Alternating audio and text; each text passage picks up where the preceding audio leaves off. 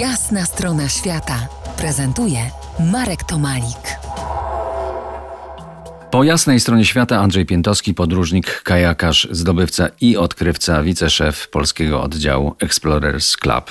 Andrzeju, wróćmy na wody rzek górskich. Niech będzie, że w bliskich ci peruwiańskich Andach.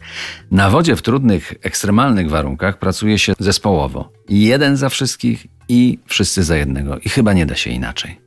Absolutnie jestem o tym przekonany, jak również nie polecam e, samotnych wypraw, ani kajakowych, ani wspinaczkowych. No są ludzie, którzy to robią, ale ja osobiście tego nie polecam. Jeden za wszystkich, wszyscy za jednego i to był klucz do sukcesu naszej wyprawy Cano Andes, yy, najdłuższej wyprawy nieżeglarskiej no, wszechczasów pewnie, dwa i pół roku. Te przyjaźnie zostały do dzisiaj, to jest więcej prawdopodobnie niż taka no, rodzina, bracia, siostry, bo ludzie się rozjeżdżają do swoich problemów. My cały czas jesteśmy w kontakcie i cały czas współpracujemy. A wracając do słynnego przepłynięcia kajakami najgłębszego kanionu świata, kanionu Kolka, niemal 40 lat temu, opowiedz jak tam na dole w tej szczelinie spaliście. Pamiętasz, jakie sny wam towarzyszyły? Czy to się jeszcze pamięta po 40 latach? Tak, jeżeli, y, to znaczy jest to szczelina, masz rację. Tam jest osiem płyt tektonicznych i te główne dwie płyty są rozsunięte, płyta Naska i płyta Andyjska i tam właśnie ta rzeka się wdarła. I więc jest to szczelina nad głową, widać taki jakiś powiedzmy nieregularny y, odcinek, taką serpentynę u góry między szczytami. Natomiast y, kolory, o kolory, niebieskie niebo, brązowe skały i szara woda, czasami zieleń.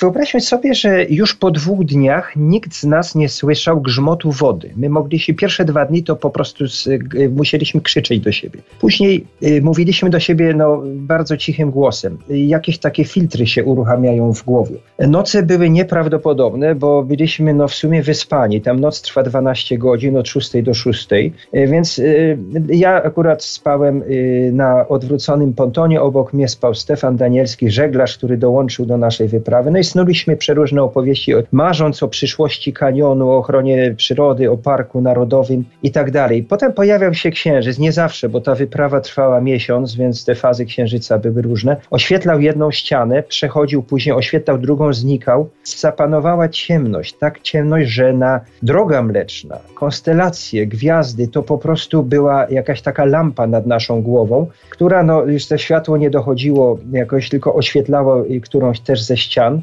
kanionu.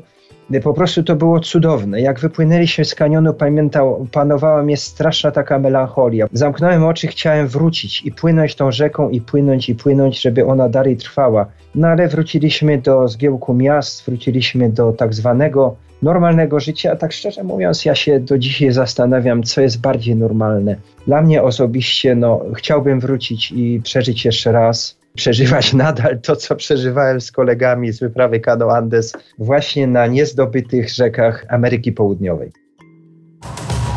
To jest jasna strona świata w RMS Classic.